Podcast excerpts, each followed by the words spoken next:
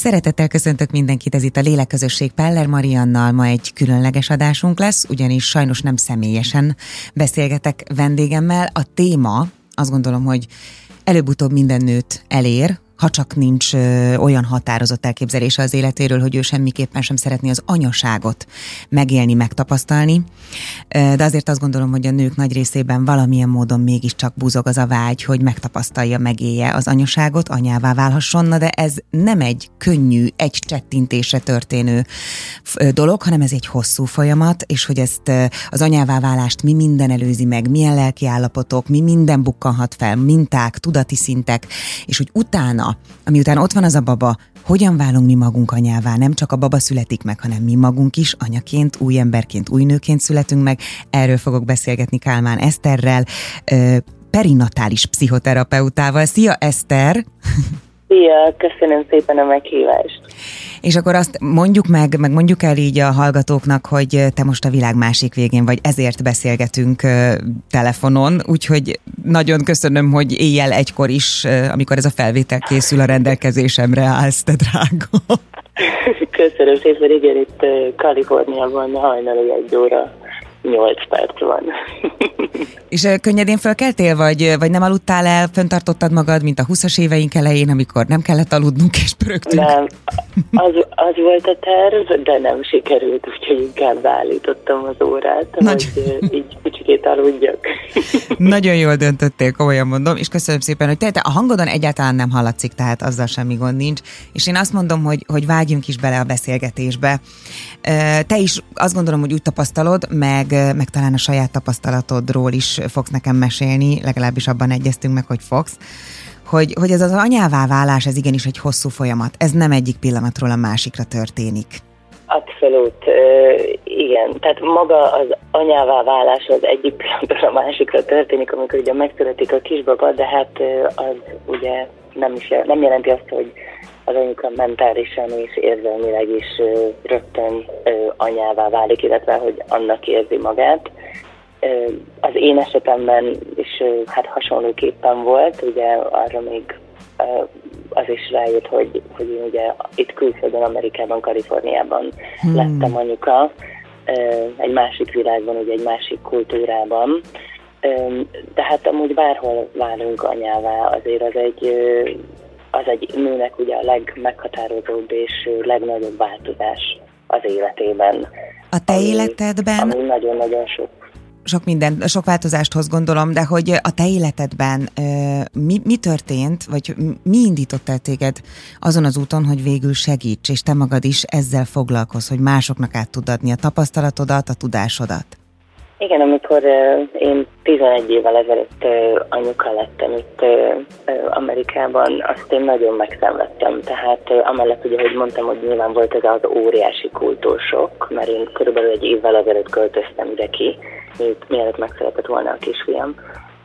Tehát a, a kultúrsok, a, az, hogy minden másképp zajlik itt Amerikában, mások a szokások, a házasságom új volt, ugye egy, a férjem ő amerikai, a családomtól távol, és hát ezt semmi segítségem nem volt, szó szerint. Hmm. Ez nagyon kihatott arra, hogy milyen is volt nekem ez a közvetlenül az szülés utáni élmény, ami hát aztán tényleg azzal járt, hogy nagyon egyedül éreztem magam, kimerült voltam, fáradt voltam, és hát tényleg olyan dolgokon mentem keresztül, ami nagyon sok anyuka, hogy úgy éreztem, hogy ezt nem nekem találták ki, hogy most már az életem csak ilyen mm. rossz, szomorú, szorongós, és, és szégyeltem azt, hogy én nem élveztem annyira az anyaságot tényleg, hogy, hogy nem ez a rózsaszín cukormázas dolog volt, mint ahogy ezt ugye mindig bemutatják. És így történt aztán később az, hogy már a kisfiam több mint egy éves volt, amikor már a, a tényleg már annyira rosszul éreztem magamat, hogy, hogy ez már rosszabb volt, mint maga a szégyen és a bűntudat, ami ezzel együtt ö, járt, vagy jött. És akkor segítséget kértem egy erre specializálódott pszichoterapeutától, és annak a segítségével, illetve a terápia segítségével, önismeret segítségével egyre jobban éreztem magam, és akkor eldöntöttem, hogy én is ezt szeretném csinálni, hm. hogy más szülőknek segítsek, hogy ne, ne szenvedjenek magányban egyedül, amikor egy ilyen időszakon mennek keresztül. Nagyon tetszik az, hogy azt mondtad, hogy más szülőknek, mert hogy ez valójában nem csak a nőket és az anyákat érinti, hanem az apákat is, és rájuk is ki fogunk térni. De egy kicsit még maradjunk az, anyá, az anyáknál és a kismamáknál, főleg a babavárás időszakánál. Én a saját példámmal tehát én pontosan tudom, én emlékszem az első babánál, és szerintem az első baba különösen vízválasztó, hiszen ott minden új, én tele voltam félelmekkel és szorongással, hogy fogom bírni, milyen lesz, amikor itt lesz, hogy fogok tudni aludni, ki fogok-e tudni menni mosdóba akkor, amikor szeretnék. Nem vicc, tehát ilyen, ilyen gondolataim voltak. Azt éreztem, hogy bár mindennél jobban vágyom arra, hogy legyen egy baba, a szerelmünk gyümölcse, és aki, akit mindenkinél jobban fogok szeretni és gondoskodni róla, de közben rettegek tőle, hogy láncok kerülnek rám, és nem leszek a magam ura többé. Ez egyébként jellemző, te mit tapasztalsz? Mesélj erről jellemző, bár az, hogy neked már ezek a gondolatok fölmerültek így az első terhesség alatt, azért az úgy ritkább, mert általában az anyukák, terhes anyukák az első terhesség alatt nem gondolnak ennyire szerintem bele, legalábbis ez az én tapasztalatom uh-huh. is, hanem akkor még tényleg azt gondolják, hogy majd ha leteszik a, az újszülött kisbabát a sarokba, akkor ő majd ott marad, majd elalszik, és minden ugyanúgy megy tovább, csak majd lesz egy kisbabája is. Hm.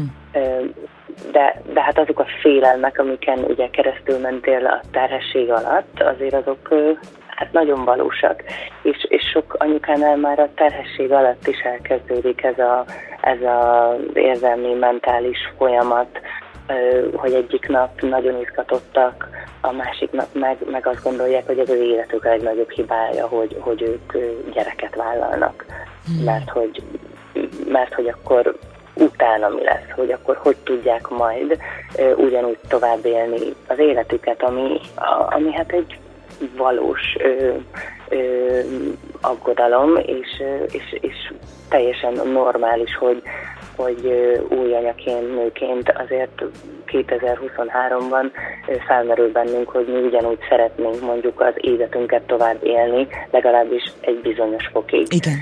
bizonyos szintig, mert ez egy identitásváltozással is jár az, amikor anyukává válunk, teljesen új emberekké válunk.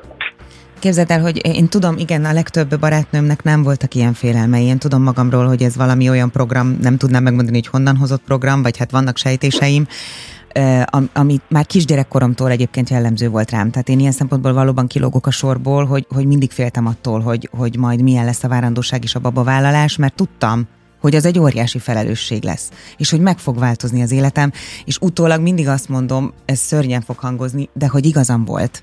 Tehát, hogy tényleg teljes mértékben megváltozott minden, és föl kellett adnom egy nagyon jelentős én részemet, viszont cserébe, ahogy teltek az évek, meg ahogy megtanultam ebben a szerepben közlekedni, helyükre kerültek a dolgok, és új, valóban új emberré váltam. És rájöttem, hogy mennyivel erősebb vagyok, kitartóbb, fáradhatatlanabb, mint amire mire, mire én magammal kapcsolatban számítottam vagy gondoltam.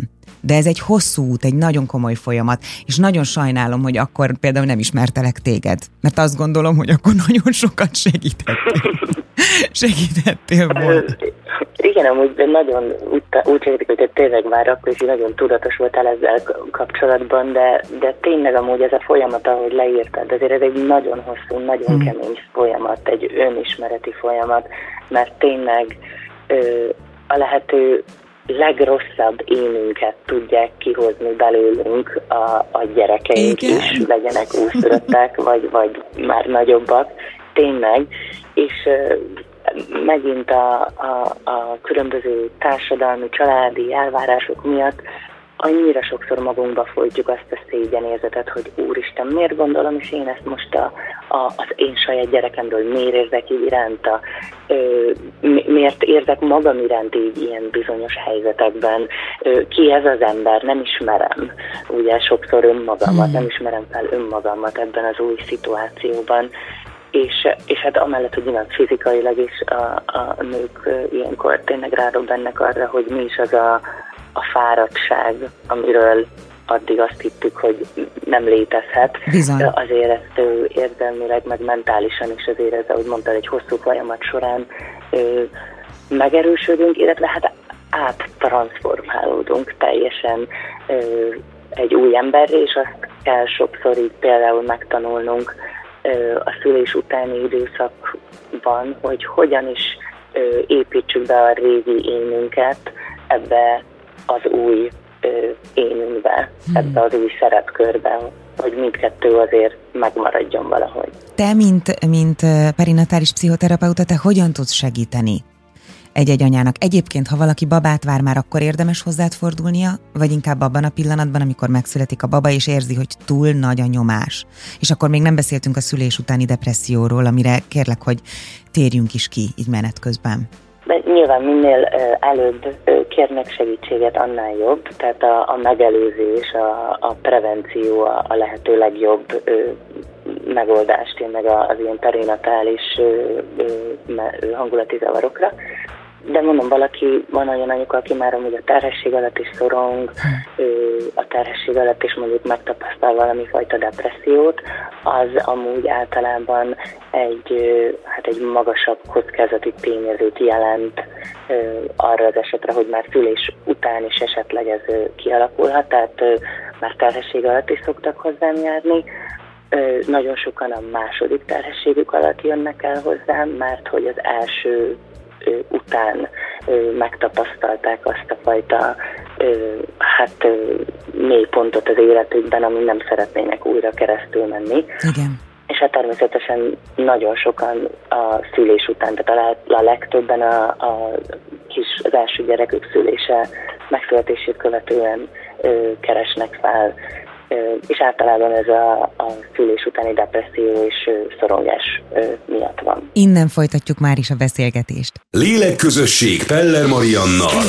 Itt a Sláger fm -en. Folytatódik a lélekközösség vendégem Kálmán Eszter, perinatális pszichoterapeuta, és egy nagyon fontos témáról beszélgetünk, ami azt gondolom, hogy tabunak számít még mindig, pedig én is azért igyekszem ismert emberként vállalni a saját anyává válásom történetét, hogy, hogy esetleg másokról levegyem a terhet, akik éppen most szeretnének babát, vagy várnak babát, vagy éppen már megszületett, és nem olyan rózsaszín, virágos minden, mint ahogy azt így kívülről gondolná az ember, vagy amit a könyvekben író, írnak. És szeretem, hogy őszintén beszélgetünk, Eszter. Köszönöm szépen, hogy itt vagy a Kaliforniából, a világ másik végéből, és a szülés utáni depressziónál hagytuk abba. Mesélj arról, hogy mi minden okozhatja azt, hogy, hogy, hogy kialakuljon valakinél a szülés utáni depresszió, mert vannak olyanok, akiknél állítólag ez egyáltalán nincs, és teljesen tökéletesen simán, boldogan vannak az első hetekben is. Igen, az első hetekben amúgy, ami a leggyakrabban előfordul, az, amit mi úgy hívunk, hogy baby blues, ezt ugye magyarul is ennek hívjuk. Igen. Ami gyakorlatilag a hormonális változásoknak köszönhető, és az édesanyák 86-87%-a keresztül megy rajta.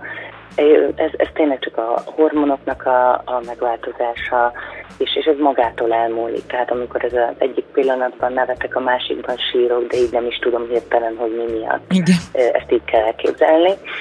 Viszont a szülés utáni depresszió azért ez ennél már sokkal súlyosabb, de a maga baby blues az nem alakulhat át szülés utáni depresszióvá, tehát az nem, nem egy ilyen lineáris folyamat, uh-huh.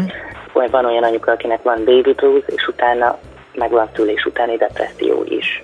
A kockázati tényezők, hát nyilván a kortörténete az anyukának, hogy az élete során tapasztalta depressziót, illetve a családjában volt-e a, a terhességet hogy élte meg, és ezért is mondtam, hogy milyen jó, hogy a, a te már ilyeneken gondolkodtál a terhesség alatt, mert hogyha egy anyuka már a terhesség alatt is mondjuk szorong vagy depressziós, akkor az is egy jel lehet arra, hogy akkor itt oda kell figyelni majd a ülést követően is. Hát ezen kívül olyan dolgok, mint hogy hirtelen változás valakinek az életében, a szülés környékén, költözés, megoldatlan problémás kapcsolata van az édesanyjával, vagy hogy nincsen az a, a leg, legnagyobb kockázati tényező amúgy a, az, hogy a támogatói kör az, az nincs meg, vagy nem olyan formában van jelen, ami amúgy tényleg segítségnek is számít, és az édesanyja segítségként éli meg. És hát ezen kívül nyilván lehetnek mindenfajta genetikai okok is, ezért én általában mindig úgy tekintek erre, hogy azért ez egy ilyen nagyon összetett komplex dolog. Tehát a környezetünk nagyon sokat számít, a mi genetikai összetevünk, hogy mennyire vagyunk predestinálva az ilyen mentális betegségekre, és hát amikor meg már egy anyuka benne van a szülés utáni depresszióban, azért az a legnehezebb, hogy azt ugye honnan is tudja egy anyuka? Mert egy anyuka sem ébred fel úgy reggel, hogy azt mondja, hogy nekem szerintem szülés utáni depresszióm van. Ez így van. Hanem mondjuk azt van, úgy érzik, hogy nem érzem önmagam, nem érzem úgy, hogy önmagam vagyok, nem bírok kikelni az ágyból, nem, nem érzem azt, hogy jól kötődöm vagy kapcsolódom a, a kisbabámhoz. Sokszor anyukák úgy érzik, hogy tudják, hogy szeretik a kisbabájukat, de valahogy nem érzik. Ez például nálam így volt, és én ez, ez, ez a fajta gondolat vagy érzés az annyira tele van szégyenérzettel és bűntudattal. Ezért is örülök, hogy erről beszélgetünk, meg hogy te is úgymond a platformodat erre használod, és köszönöm, mert hogy, mert hogy pont ez segíthet más anyukáknak, hogyha mi őszintén nyíltan beszélünk erről, például ilyen dolgokról, és akkor, akkor más anyuka sem fogja egyedül érezni magát a szülés utáni depresszió tüneteire visszatérve, tehát a sírás, tényleg mély ponton érezzük magunkat, nagyon szomorúak vagyunk, étványtalanság, vagy túl sokat eszünk, és hát az egyik az nagyobb, hát ilyen trükkös dolog itt az alvás, ugye, mert hát beszélünk arról, hogy ha, ha túl sokat vagy ha túl keveset alszunk, az is lehet a depressziónak a jelen, viszont amikor az embernek van egy kisbabája, hát akkor valamit, akkor ez az alvás az, ami teljesen felborul. Úgyhogy arra is oda kell figyelni azt, hogy milyen, mennyire irritált az anyuka, dürohamai lehetnek, mondom a szégyen, a bűntudat érzete, és egyszerűen csak azt, hogy nem érzi hogy ő egy elég jó anyuka. Igen. Hogy, hogy valami baj van vele, hogy ő vele van baj. És igazából ilyenkor valójában hogy nincs vele baj, ugye? Csak egész egyszerűen valami nem úgy működik, tehát olyan, mint a felborulna. A lelki egyensúly. Pontosan. Csak egyszerűen veled, mindig ezt kell, hogy veled semmi baj nincs. Azért nehéz, azért érzed nehéznek azt, amit csinálsz, tehát a, a, az anyaság az első tényleg pár hónapja az, az iszonyatosan kimerítő. Igen. Azért érződik nehéznek, mert az nehéz. Nem pedig azért, mert, mert valamit rosszul csinálsz, és ez sokszor ilyen egyszerű. Mert tényleg. Meg hát nem beszélve arról, hogy tényleg a, a közösségi médiának a nyomása bizonyos oldalak, bizonyos hát ilyen influencerek, ahogy, ahogy ugye beállítják ugye az anyaságnak a mítoszát. A szoptatás például, Jaj, az, az a nyomás, Igen. ami, ami, ami az anyukákon rajta van a szoktatással kapcsolatban, ö, meg más ö, aspektusa tényleg az anyaságnak, hogy mit, hogyan csinálj, és ha te nem így csinálod, akkor akkor a lehető legrosszabb dolgot fogod a kisbabádnak okozni. Érzékeled azt, hogy közben nyilván te most megtapasztaltad, milyen anyává válni Kaliforniában, egy teljesen más kultúrában, de én úgy érzem, hogy Magyarországon különösen tabu téma ez. Nem tudom, hogy ott hogy van, kíváncsi vagyok, hogy mi a különbség. De azt tudom, hogy itthon valahogy van egy ilyen nagy, nagy magyar ősanya kép, amit így elvárnak a nőktől, és, és minek vállaltál te gyereket idézőjelbe téve, hogyha nem tudod elviselni, vagy elcipelni, neked most örülnöd kéne, meg örülj, hogy neked egyáltalán lehetett, másnak össze se jön, tudod? Tehát, hogy jönnek ezek a mondatok, és ezek nagyon rombolóak tudnak igen. lenni. Nagyon rombolóak, és igen, ez tehát az első kérdésedre válaszolva, amúgy én úgy látom, igen, hogy ez mindenhol tabu téma, az hmm. anyák mentális egészsége itt is, meg a világon máshol is, de Magyarországon még inkább. Tehát azért itt Amerikában, Kaliforniában vannak szervezetek, helyi, meg ilyen országos szinten non-profit szervezetek, amelyek tényleg ezzel foglalkoznak, mindenfajta csoportok, támogatói terápiás csoportok vannak az anyukáknak, apukáknak is amúgy online, tehát virtuálisan és ingyenesek, és hát rengeteg, rengetegen vagy hát nem, nem rengetegen, de hogy sok terapeuta specializálódik erre a területre. Pontosan azért, mert azért egyre többet beszélünk erről, Tehát itt inkább ez a közbeszédben van, mint mondjuk Magyarországon, ahol szerintem amúgy a mentális egészség úgy általában még tabu téma Igen. inkább, de főleg az anyák mentális egészsége amit meg az előbb ugye mondtál, ezek a bántalmazó, nagyon káros ilyen hát hozzászólások, meg megjegyzések abszolút, tehát azért ez itt is van, meg amúgy ezt én is megkaptam hmm. egy családtagomtól, mármint magyarországi családtagomtól, hogy akkor nem kellett volna gyereket szülni, hogyha, hogyha így érzed magad. Döbbenet, igen, döbbenetes, tehát, hogyha valaki így reagál egyébként, igen. mert honnan tudná, honnan tudná a, a nő, hogy majd így fogja érezni magát, ha nem beszélünk róla. Pontosan, pontosan, meg, meg főleg amikor ez egy családtagtól jön, aki mondjuk ő maga is egy anya. Igen. Tehát, hogy, hogy ez, ez számomra a, a leghihetetlenebb, hogy mindenki tud ehhez a témához viszonyulni, az is, akinek minden segítsége megvolt, mert az is el tudja képzelni, hogy milyen lett volna, hogyha azt a melót neki csak egyedül kellett volna végig csinálnia. Igen és hát nyilván az is, aki meg tök egyedül van, úgyhogy sokszor ez engem megdöbbentem, úgyhogy hogy tényleg nagyszülők, vagy barátok, vagy bármilyen családtagok néha mennyire, bocsánat, ide belehorkolt egyet a kutyát. Nem baj, nem baj. A, a, családtagok, a barátok mennyire tényleg ilyen, ilyen érzéketlenek tudnak ezzel kapcsolatban lenni, és hát ugye ez, ezek a kommentek amúgy, amellett, hogy bántóak, amellett még inkább ásták azt a gödröt az anyuka alatt, mert még inkább akkor csöndben marad majd, még inkább nem fogja kifejezni azt, hogy ő hogyan is érez, és még depressziósabb lesz, még inkább bűntudata lesz, és, és így fogja megélni a kisbabájával mondjuk az első egy évet. Kérlek szépen, hogy mesélj az apáról is mert ha már itt tartunk a depressziónál, ugye korábban, amikor beszéltünk pár mondatot, hogy mikről fogunk beszélgetni, akkor említetted a, a, a másik szülőt, az apát is, hogy, hogy náluk is előfordulhat szülés utáni depresszió, és hogy adott esetben milyen módokon tud az kifejeződésre jutni, mert nem feltétlenül csak szomorúságként jelentkezik. Így van, apukáknál is minden tizedik apuka megtapasztalhat szülés utáni depressziót, ez a szám amúgy az anyukáknál minden hetedik, minden ötödik. Hmm.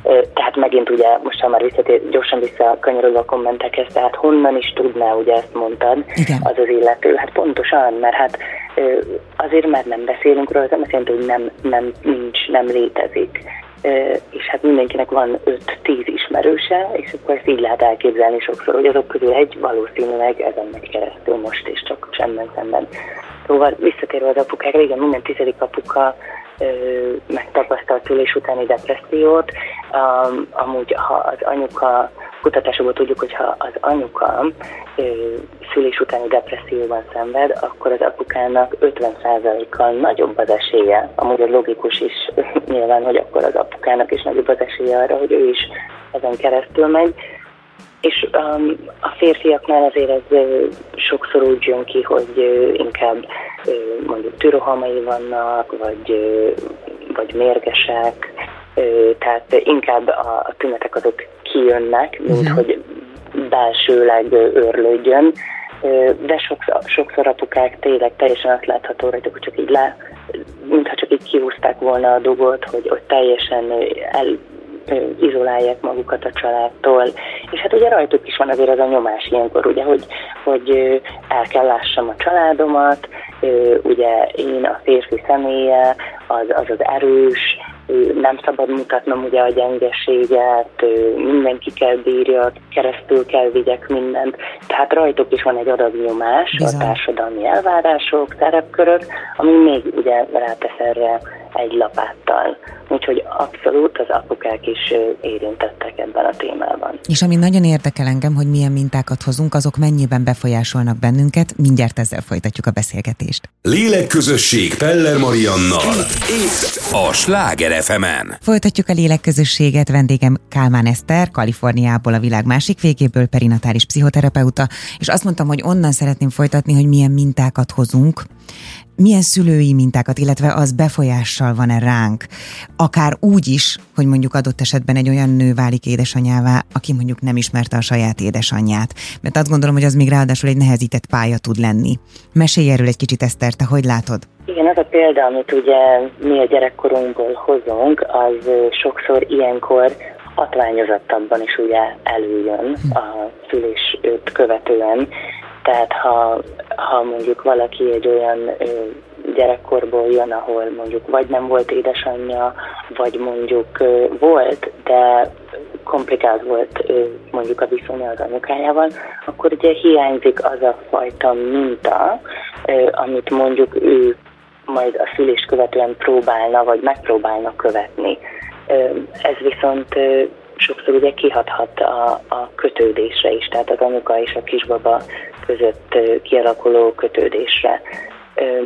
Mert hát, hogy, hogy, hogy nem, nem tapasztaltuk meg gyerekként azt, hogy mit jelent az mondjuk, ha a szükségleteinket egy, egy szükségleteinket, most úgy értem, hogy az érzelmi szükségleteinket, Igen. igényeinket mondjuk Igen tényleg egy, egy anyuka kielégíti, vagy ott van, amikor sírunk, megvégasztal, elmondhatom, a, kifejezhetem azt, hogy én most a frusztrált vagyok, nem kiabálnak rám akkor, hogyha mondjuk valami bajom van, tehát hogy, hogy tényleg ezek, ezek, ezeket most egy logikusan mindannyian meg tudjuk fogalmazni az agyunkban, de, de ez az az érzelmi része az agyunknak, ugye, ami, ami, ami ilyenkor teljesen másképp működik, és ezért fontos az, hogy, hogy egy új anyuka, akinél mondjuk ez nem volt jelen a gyerekkorban, akkor idővel és türelemmel és esetleg segítséggel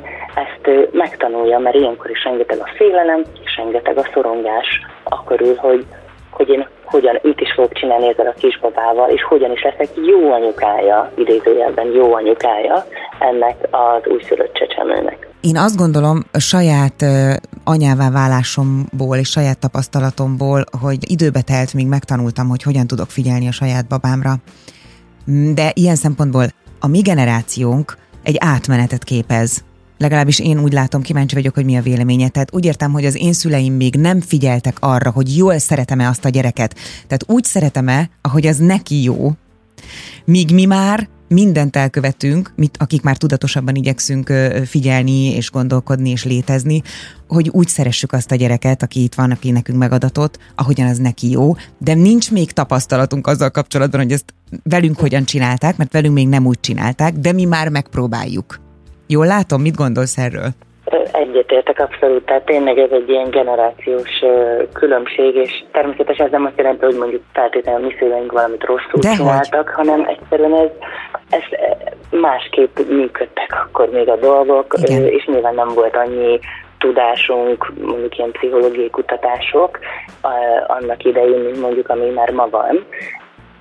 Valóban, tehát ma már szerintem a szülők azért ennél sokkal tudatosabbak, és sokkal jobban odafigyelnek arra, hogy, hogy, hogy hogyan is vigyázzanak arra a kisbabára, hogy hogyan, hogy, mert tudják például ugye az egyik legnagyobb ilyen ellentmondásos hát, állítás tényleg az az, hogy hogy el tudod-e, vagy nem tudod-e elkényeztetni Igen. azt az újszülött kisbabát, ugye? Hogy akkor jaj, csak hagyjad sírni, mert ez... erősödik a tüdeje. Igen.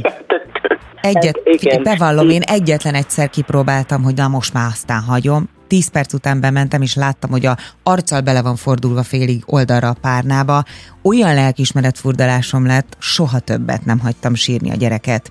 És ilyen szempontból egyáltalán nem lett elkényeztetett. Egyáltalán nem. Tehát nem, ezt... meg, meg hát nem is lehet, nem is lehet, azt már tudjuk, hogy nem is lehet egy, egy, egy kisbabát, tehát egy, egy éve alatti kisgyereket nem lehet, vagy kisbabát nem lehet egyszerűen elkényeztetni. Mindegy hányszor veszed föl, nem tudod elkényeztetni, mert, mert, mert mert nem azért sírnak, hanem azért sírnak, mert tényleg hát nincs más ez a kommunikációs formájuk, és hát szükségük van arra, az anyukai közelségükre. Azt amúgy mi szoktuk is mondani, hogy a kisbabák három hónappal korábban születnek meg, hmm.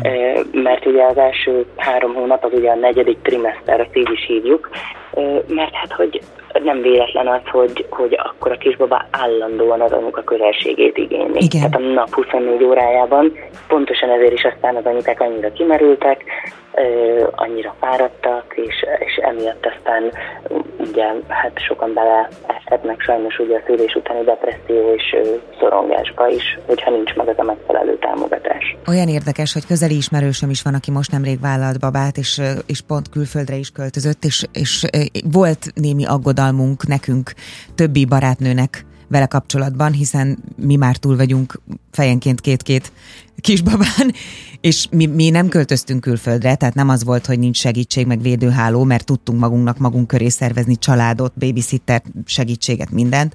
De hogy bennünk volt az aggodalom, miközben ő úgy ment ki, hogy ó, majd valami úgy is lesz. Mit gondolsz, mennyire jellemző ez? És hogy ez helytálló-e, hogy ó, majd valami úgy is lesz? Én úgy tapasztalom, hogy nem, de kíváncsi vagyok, hogy te mit gondolsz erről, Eszter. Valami mindig lesz, de, de hát igen, ezért ez hát megint ugye, ez amúgy az, az, az anyukának a sokszor a személyiségétől is függ, a igen. habitusától, amúgy meg a kisbabától is függ, Hogyne. mert van hasfájós kisbaba, van olyan kisbaba, amelyik jobban alszik, van amelyik kevésbé, én azért mindenképpen azt ajánlanám minden anyukának, ha külföldön van, ha nem, hogy, hogy készüljön fel. Tehát még mielőtt megszületik az a kisbaba, készüljünk fel, mármint nem csak úgy, hogy akkor beszerezzük a nem tudom én hány rugdalózót és a, a kiságyat, hanem, hanem érzelmileg, mentálisan azért az sokkal fontosabb, hogy meg, meg dolgozunk önmagunkon, ismerjük meg önmagunkat. Mi az, ami, ami mondjuk kihozza belőlünk mondjuk, vagy itt triggerel minket, ami, ami mondjuk, ha tudjuk, hogy mi szorongósak vagyunk, akkor mi tudja azt nálam inkább beindítani. Mire van szükségem, amikor éppen úgy érzem, hogy, hogy kihúzták a lábam alól a talajt?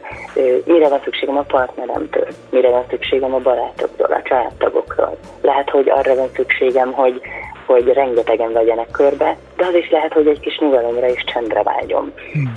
Tehát, hogy tényleg azért így tisztában legyünk önmagunkkal, az igényeinkkel, a szükségleteinkkel, már amennyire lehet, és, és tényleg felkészüljünk arra is, hogy hogyan tudjuk mondjuk azt a fajta szociális hálót megőrizni, hogyan tudunk kapcsolatban maradni azokkal az emberekkel, akik fontosak számunkra. Legyen olyan ember, aki egy ilyen meg, aki ilyen megbízható, akihez fordulni lehet. Nagyon-nagyon jó, amit mondasz, csak azért akarok lecsapni rá, mert, mert szerintem nem, nem feltétlenül, tehát hogy egyre több nőt látok, aki tudatosan készül, de erre nem lehet teljesen felkészülni. Tehát, hogy hiába voltam én is tudatában, hogy majd nehéz lesz, meg majd mi lesz. Olyan indulatokat tudott kihozni belőlem a gyerek, amikor, amikor már picit nagyobb volt, és nem, nem, úgy, nem úgy viselkedett, nem úgy reagált, tehát olyan fáradt voltam, és én úgy hogy megtapasztaltam magamról, hogy én, én, egy, én egy indulatokkal teli türelmetlen állat vagyok, ami így szörnyen hangzik.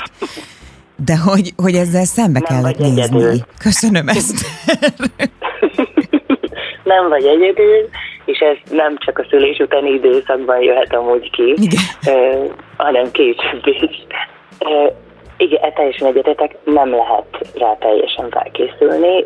Nyilván egy bizonyos fokig azért úgy megpróbálhatunk, de pontosan ezért, miután tudjuk, hogy azért nem, nem tudjuk, hogy mi vár ránk, nem, tudjuk, nem tudjuk, hogy ez majd mit fog belőlünk kihozni, pontosan ezért fontos egyrészt, hogy megmaradjon ez az ilyen pszichológiai rugalmasságunk, ilyen mentális rugalmasságunk is, tehát hogy, hogy tudjuk azt, hogy ha nem úgy alakulnak a dolgok, azért akkor sincs itt a világ vége, és akkor is mondjuk segítséget tudunk kérni emberektől, vagy lehet, hogy csak egy barátot felhívunk és beszélgetünk vele. Hmm. A, a másik nagyon fontos komponens pedig az, hogy mi önmagunkkal olyankor tudjunk empátiát gyakorolni, hogy ne ustorozzuk magunkat, amiatt már mondjuk, mondok egy példát, nagyon sokszor anyukák a kimerültségtől, a fáradtságtól rákiabálnak a kisbabájukra, mert már nem bírják. Igen, és mert kijön. Ez is nagyon gyakori. Igen. Mert kijön, igen, és, és hogy ilyenkor ö, tudjunk ö, empátiát gyakorolni, ez az önegyüttérzés, ugye, hogy, hogy, hogy ne, ne még egy adag önmagunkat ostorozó kommenteket mondjunk, hanem, hanem tényleg észrevegyük, leüljünk, pihenjünk, kérünk segítséget, és érezzük és tudjuk, hogy ettől mi még ugyanúgy szeretjük azt a kisbabát, és ez nem jelenti azt, hogy rossz anyukák vagyunk. És nyilván ez egyszerűbb mondani, mint csinálni, Igen. de pontosan ezért kell róla többet beszélni, ezért fontos, hogy mondjuk a saját azok, akik mondjuk te, vagy én, vagy más, aki ezen keresztül ment, az őszintén beszéljünk erről, hogy, hogy tényleg, hogy ezt a tabut azért úgy ledöntögessük és másoknak ezzel segítsünk. Eszter, olyan hálás vagyok, hogy beszéltünk. Még nagyon sokat tudnánk, szerintem majd még fogunk is. És én nagyon bízom benne, hogy azok, akik hallgatták a műsort, és éppen érintettek a témával kapcsolatban, vagy van egy olyan családtaguk, aki éppen érintett a, a témával kapcsolatban, megértőbb lesz, és önempatikusabb és empatikusabb lesz. Kálmán Eszter, nagyon szépen köszönöm neked, puszilak szeretettel, és hát jó éjszakát kívánok ott Kaliforniában. Én köszönöm szépen a lehetőséget. Minden jót neked, szia! Köszönöm, szia, szia!